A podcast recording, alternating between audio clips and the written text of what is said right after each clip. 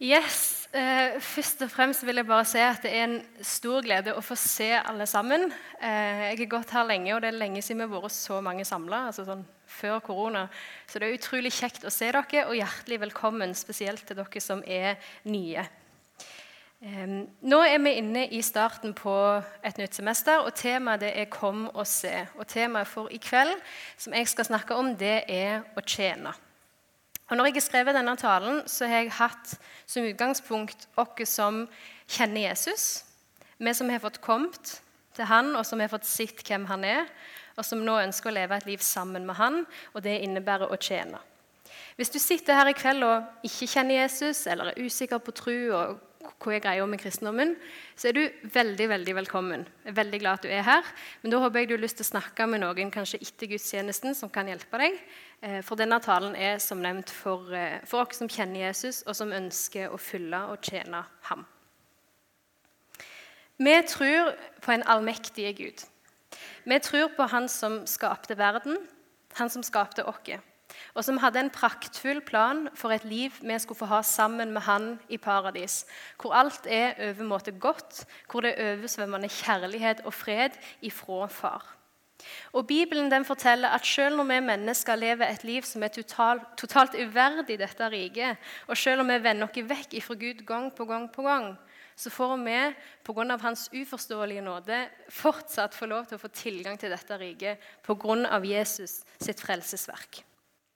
Paulus i Det nye testamentet han bruker hele elleve kapitler i romerbrevet på å male dette bakteppet, på å forklare evangeliet, for så å si at på grunnlag av dette så skal vi få et nytt liv som kristne. Og Vi skal nå lese litt av det han sier i sitt tolvte kapittel. Romerne 12, kapittel 1, nei, Romerne 12, vers 1 og vers 4-11. Derfor formaner jeg dere ved Guds barmhjertighet, søsken. Bær kroppen fram som et levende og hellig offer til glede for Gud. Det skal være deres åndelige gudstjeneste. Og så i vers 4. Vi har én kropp, men mange lemmer, alle med ulike oppgaver. På samme måte er vi alle én kropp i Kristus, men hver for oss er vi hverandres lemmer. Vi har forskjellige nådegaver, alt etter den nåde Gud har gitt oss. Den som har profetisk gave, skal bruke den i samsvar med troen. Den som har en tjeneste, skal ta seg av sin tjeneste. Den som er lærer, skal undervise. Og den som trøster, skal virkelig trøste. Den som gir av sitt eget, skal gjøre det uten baktanker. Den som er satt til å lede, skal gjøre det med iver. Den som viser barmhjertighet, skal gjøre det med glede. La kjærligheten være oppriktig. Avsky det onde. Hold dere til det gode. Elsk hverandre inderlig som søsken. Sett de andre høyere enn dere selv. Vær ikke lunkne, men ivrige. Vær brennende i ånden. Tjen Herren. Jeg er veldig glad i disse versene her.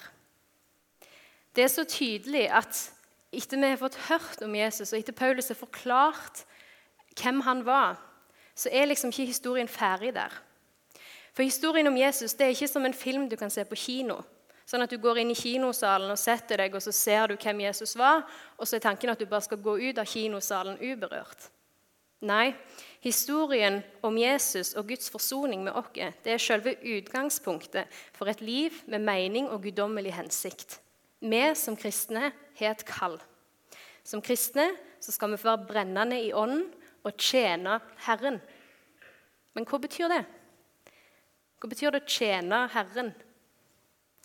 Det skal vi prøve å se litt på. Og For å gjøre det så må vi begynne med hva betyr ordet 'tjene'. For verbet 'tjene' det kan bety en rekke forskjellige ting. Så jeg slo opp i ordboken og så fant litt forskjellige definisjoner som jeg tenker vi skal gå litt igjennom nå. Å tjene det kan bety å være underkasta noen.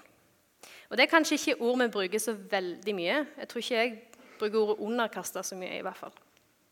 At jeg er underkasta noen, det betyr at jeg frivillig eller ufrivillig er lagt under noen som skal styre meg.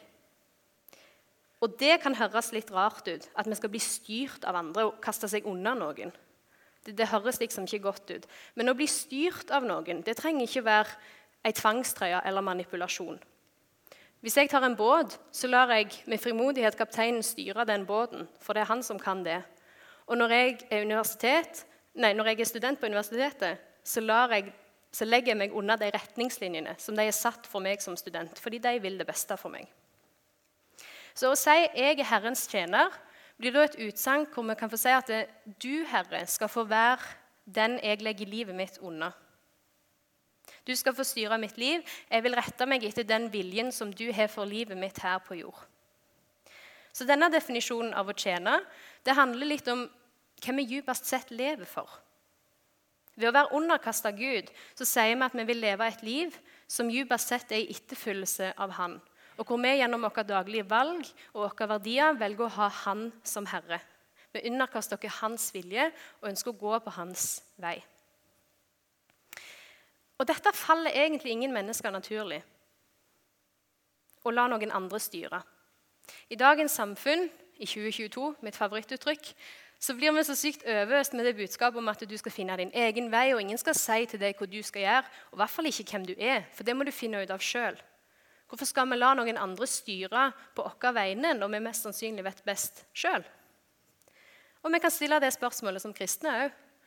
Hvorfor skal vi følge Bibelens veiledning Hvorfor skal vi følge Guds ord hvis det virker mot det som virker naturlig for oss?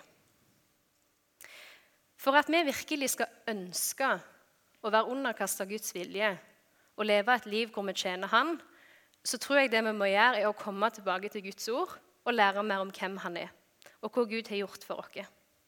Da kan vi, som Paulus sa, si at derfor vil jeg bære kroppen min fram som et levende og hellig offer til glede for Gud. Eller jeg vil tilbe deg, som er en annen side av det å tjene. Så å være underkasta kan være en definisjon av å tjene. Men en annen det kan være å ha en tjeneste hos. Jeg har en tjeneste hos min arbeidsgiver der jeg er ansatt. Og Noen av dere har kanskje tjenestegjort i militæret før dere kom her. Denne forklaringen av å tjene viser at når du tjener, så gjør du det med et større formål, som oftest som en del av et større fellesskap.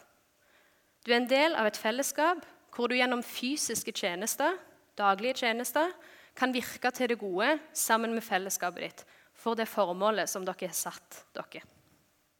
Så å være i tjeneste hos Gud kan da bety at i det kristne fellesskapet så er du satt til å bety en forskjell du er satt til å bidra med det du kan, og det du mestrer.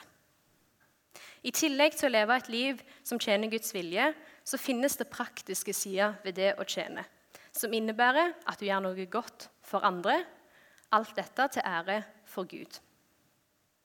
Og I teksten vi leste i stad, så hørte vi Paulus fortelle at vi er kristne vi er én kropp i Kristus, og vi skal fungere som lemmer på kroppen. Alle lemmer på en kropp, altså armer og bein, de har en funksjon, og de er viktige. Og alle lemmer er uerstattelige. Det kan veldig godt hende at venstre storetå føler seg liten, bånd av hierarkiet, og føler at han ikke har en viktig funksjon. Men de som har mista venstre store tå, kan nok si at de merker at han ikke er der. For selv om han er liten, så er det, kun én venstre store tå. Og Gud har satt den der av en grunn. Og jeg tror dere skjønner hvor jeg vil hen med dette. Guds ønske er at du som sitter her i salen, uavhengig av hvem du er, med frimodighet skal kunne finne en plass i kirka der du kan få ha din tjeneste. Og Når jeg nå sier kirka, så mener jeg den menigheten du hører til, eller det fellesskapet du går i, eller den kristne organisasjonen der du velger å være aktiv, eller bibelskole, hvis du går på bibelskole. Du er et lem på kroppen når du er en kristen. Så da har du en funksjon. Akkurat som du er en del av ditt kristne fellesskap. Og da skal du ha en funksjon eller en tjeneste der. Og Å ha en tjeneste kan være mye forskjellig, men felles det er at det er noe. En tjeneste er et eller annet som du gjør. Du, du kan ikke tjene uten å tjene. En tjeneste er noe som aktiviserer deg, noe som krever noe av deg, en funksjon som du har inn i kirka. Og det er vi kalt til å ha. Din tjeneste skal aktivisere deg. Og det finnes mange tjenester. Senere i gudstjenesten skal vi vise fram mange av de tjenestegruppene som vi tilbyr her i misjonssalen. Og det er ikke sånn at Gud på forhånd har håndplukka deg til nøyaktig én av disse mange tjenestene, og at du må vente på en slags stor, guddommelig åpenbaring før du involverer deg i noe. Nei. Albuen på kroppen den kan du bruke til en rekke forskjellige ting. Hånda òg. Og du som menneske kan bli brukt til mye forskjellig i Guds rike. Det er lov å prøve en tjeneste og innse at det ikke er noe for deg, og så bytte. Det har jeg gjort, og det tror jeg mange har gjort. Men det viktigste det er at du har en tjeneste. At du har en funksjon. For du er en del av dette fellesskapet her, hvis du ønsker. Du er et lem på kroppen. Og gjennom at du tjenestegjør, så tror jeg at du tydeligere vil få se at her hører du hjemme. Denne plassen kan du kalle ditt hjem. Du er ønska her. Du er uerstattelig. Og kirka blir ikke det samme uten deg. Vær brennende i ånden, tjen Herren. Det gjelder òg gjennom konkrete tjenester i kirka. De to definisjonene her av å tjene de, de har jeg satt et minustegn foran. For det de innebærer at du gir av deg sjøl. Du tjener noe annet. Men ordet 'tjene' kan jo òg bety å få. Du tjener på noe. Så vi skal se litt på det. Å tjene kan bety at du får lønn eller avkastning. Ved at jeg jobber, så får jeg lønn. Jeg tjener en viss sum per time jeg jobber. Og Hvis jeg i tillegg setter de pengene i fond, så kan jeg få avkastning på det senere. Mer enn jeg kanskje ville fått andre plasser. Så å tjene kan bety å få igjen for noe du aktivt eller passivt har gjort sjøl. Tjene kan òg bety å fortjene. Du fortjener sommerferie etter en lang eksamensperiode, eller du kom på førsteplass og du fortjener en medalje. Disse definisjonene handler om å få, i kontrast til de andre, som handler om at du gir av deg sjøl. Og når vi snakker om den kristne tjenesten fra en talerstol, så tror jeg ofte at vi kun snakker om den minussida med det å tjene. Vi forkynner at som kristne så skal vi nesten uten å stille spørsmål gi alt til deg og stille hele vårt liv til disposisjon for Gud at det, det skal vi gjøre som kristne. Og jeg vil begynne med å si at Hvis det var det eneste vi forkynte om å tjene, så hadde det faktisk vært helt greit. Det hadde vært helt innafor å si 'gå og tjen'. Punktum. Og hvorfor hadde det vært greit? Jo, det er ene og alene fordi at Gud er verdig. Det er den han er. Vi sang det i stad. Han er verdig. Han er verdig hele livet vårt pga. den han er, for han er Gud. Jeg skylder hele mitt liv og min eksistens til han, for han skapte meg. Og pga. hans uforståelige kjærlighet og nåde så kan jeg se fram til en evighet i paradis med han når jeg dør. Guds hellighet og verdighet blir synlig i Johannes' åpenbaring når Johannes skildrer hva han ser når han ser inn i himmelen. Der skriver han at tusener på tusener av skapninger synger følgende. De ropte med høy røst. Verdig er lammet som ble slaktet. Verdig til å få all makt og rikdom, visdom og styrke, ære, pris og takk.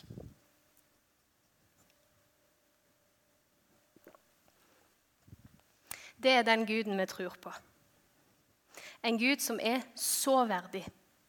Fordi han er bare vi kan ikke forklare med ord en gang hvor verdig og hellig Gud er. Han er totalt forskjellig fra oss mennesker. Han er utenfor det vi kan forstå. Men dette skildrer noe av det. Noe av hans vesen og av hans natur. Fordi Gud er den han er, så hadde det vært helt greit om han sa til meg Marie, flytt eh, til Venezuela. Og Når du kommer der, så skal du grave deg en brønn som er fem meter dyp, og så skal du fylle den igjen. Og Så skal du grave den opp på ny, og så skal du fylle den igjen. Det hadde vært helt fair om Gud krevde det av meg, for Gud har gitt meg så mye.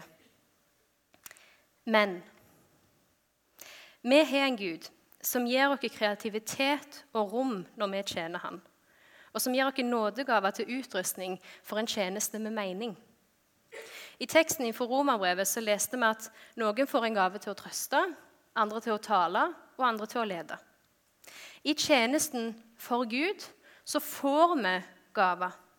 Vi får utrustning, vi får inspirasjon og egenskaper til hjelp som gjør at vi kan ha en tjeneste med mening, og at vi utvikler oss som mennesker. Når du tjener Gud, så vil han gi deg mer og mer av alle sine gaver, som han så gjerne ønsker å gi. Jeg tror det er mer òg vi kan tjene på et liv i tjeneste for Herren. De færreste av oss får lønn her på jord for å tjene Gud. Men Bibelen sier at vi vil få lønn og avkastning der framme i himmelen. Når vi jobber for å samle skatter der framme, så vil vår himmelske Far forsørge for oss. Og vi får leve i håpet om en fantastisk, ubeskrivelig god evighet der framme med Han. Og Hvis du tjener konkret her i kirka, så tror jeg òg du vil oppleve å tjene sjøl på det. Det kan jeg i hvert fall si at jeg har gjort i egen erfaring ved å tjene her i misjonssalen. Noe av det jeg har tjent ved å tjene her, det er nye vennskap med folk i min tjenestegruppe som jeg kanskje ikke hadde blitt kjent med hvis jeg ikke hadde hatt en tjeneste. Jeg har fått mer kunnskap og ferdigheter, f.eks. det å snakke på en scene. Jeg har fått en større opplevelse av misjonssalen som mitt hjem, en plass hvor jeg hører hjemme, og hvor jeg kan være trygg. Og jeg har fått mange gode opplevelser sammen med Gud og sammen med dere som min menighet. Jeg tror med hånda på hjertet ikke jeg hadde kjent på det i like stor grad hvis jeg ikke hadde vært involvert i en tjeneste. Så ved å tjene så har jeg òg tjent mye på det sjøl. Ok, hvorfor skal vi tjene? Hvorfor skal vi tjene Gud? Vel, Med bakgrunn av det jeg har sagt, og veldig mye mer kunne ha vært sagt. Så jeg har lyst til å gi dere tre kjappe punkt som kan være gode å kanskje ha med seg når du sliter med en motivasjon til å leve for Gud, eller du lurer på om du skal gå inn i en tjeneste eller ikke, eller ja, sliter med motivasjon. Det første det er at tjenesten trenger deg. Du trengs som en ambassadør for Guds rike. Norge, Oslo, verden trenger bevisste kristne som har Gud som sin herre, som ønsker å gå på hans vei og følge hans vilje. Du trengs ikke minst for å vitne for andre, sånn at flere kan få høre om hvem Jesus er, og hva han har gjort. Så det at du velger å tjene Gud med dine valg, det, det trengs så sinnssykt i det samfunnet vi lever i. Og du trengs i kirka, i tjenestene i kirka.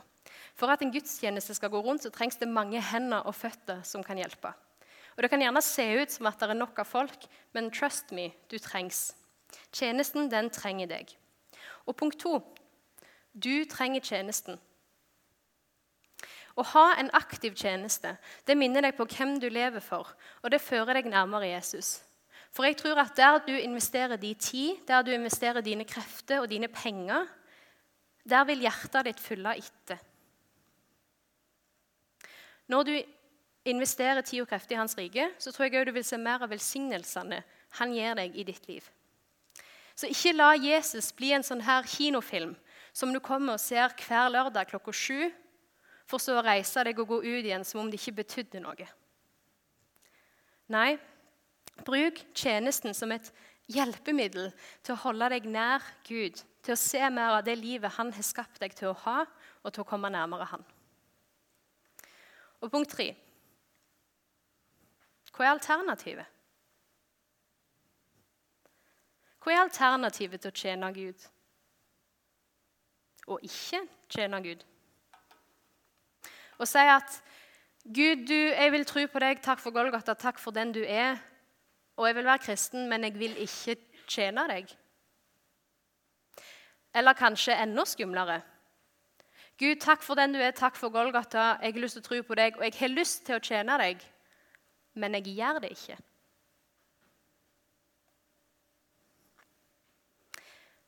Hvis du kjenner at den traff deg, så kan jeg love at du ikke er den eneste. Det er ikke unormalt å kjenne på en følelse av å ikke strekke til i livet med Gud. Husk da på at den kjærligheten Gud har til deg, den er uforanderlig, og den vil ikke endre seg. Altså det er evangeliet, det er det vi tror på. Men bruk bare ikke det som en unnskyldning til å være på latsida. Men bruk det heller som en motivasjon til å få lov å tjene den fantastiske Guden vi tror på, og få gi han en takk for alt det han har gjort og gjør i, i ditt liv. For én, tjenesten trenger deg. To, du trenger tjenesten. Og tre, når vi har sett hvem Gud er, hva er da alternativet? Helt til slutt så vil jeg avslutte med en siste tekst fra Bibelen. Den handler om Samuel i Det gamle testamentet. Samuel han var en profet og dommer for israelsfolket en god stund etter de hadde bosatt seg i Kanan. Og Dette var en tid med mye umoral og avgudsdyrkelse. Og Israelsfolket opplevde at mange av de andre folkeslagene de hadde en konge. En mektig sånn krigerkonge som hjalp dem, som gjorde de store og sterke. Så Israelfolket kom til Samuel og sa vi vil også ha en konge. Og Det de da djupest sett sa, eller viste, er at de ikke hadde tillit til Gud og til hans plan, eller til Samuel som Guds leder. Og Samuel han beskriver det faktisk som en synd at de kom og ba om å få en konge. Så i sin avskjedstale til folket i kapittel 12 i 1. Samuels bok så tar han opp dette. Og så kommer han med sin, altså sin siste tale og sin siste bønn til folket. Og der står det fra 1. Samuel 12, vers 18-24. Samuel ropte til Herren, og han sendte torden og regn den dagen. Da ble folket grepet av stor frykt for Herren og for Samuel. Og de sa til Samuel, Be til Herren din Gud at vi, dine tjenere, ikke må dø, for vi la enda en ond gjerning til alle våre synder da vi krevde en konge. Samuel sa da til folket, Vær ikke redde selv om dere har gjort alt dette onde. Vik bare ikke fra Herren, men tjen Herren av hele deres hjerte. Vik ikke fra ham. Følg ikke tomme guder, som verken kan hjelpe eller frelse, for gagnløse er de. For sitt store navns skyld vil Herren ikke forkaste sitt folk, for han har besluttet å gjøre dere til sitt folk. Og jeg Aldri skal jeg gjøre en slik synd mot Herren at jeg holder opp med å be for dere. Jeg skal lære dere den gode og rette vei. Frykt Herren og tjen ham i troskap av et helt hjerte. For se hvor store ting han har gjort mot dere. I Samuels avskjedstale er det ikke tvil. Han ønsker så sterkt å formidle til folket sitt at de ikke må se bak på alt det dumme som de gjorde der bak i går, rett før de hørte denne talen. Men at de må se framover på en vei og på et liv sammen med Gud. Hvor de kan følge Han og tjene Han. Og dette er ikke som en sånn 20% eller 50% greie. Nei, av hele sitt hjerte og med hele sine liv så skal de vie det til Gud og følge Han. Og dette, her, dette er ord Samuel sier flere hundrevis av år før Jesus. Lenge før Golgata og korset og oppstandelsen. Allikevel så sier Samuel at se hvor store ting Gud har gjort mot dere. Og hvis det gjaldt for deg da, så gjelder det òg for oss nå. La dere ikke se tilbake på alt det dumme som vi gjør, men la dere legge av oss synden, sånn som vi gjorde i starten av denne gudstjenesten, og rette fokuset opp mot Han, han som er verdig all vår ære, som vi akkurat sang. Vi har tusener av år med historie og millioner av mennesker som kan vitne for oss om at Gud er en som er verdig å gi livet sitt til. For store ting har han gjort, så hva annet kan vi da gjøre enn å leve et liv for han og tjene han? Amen.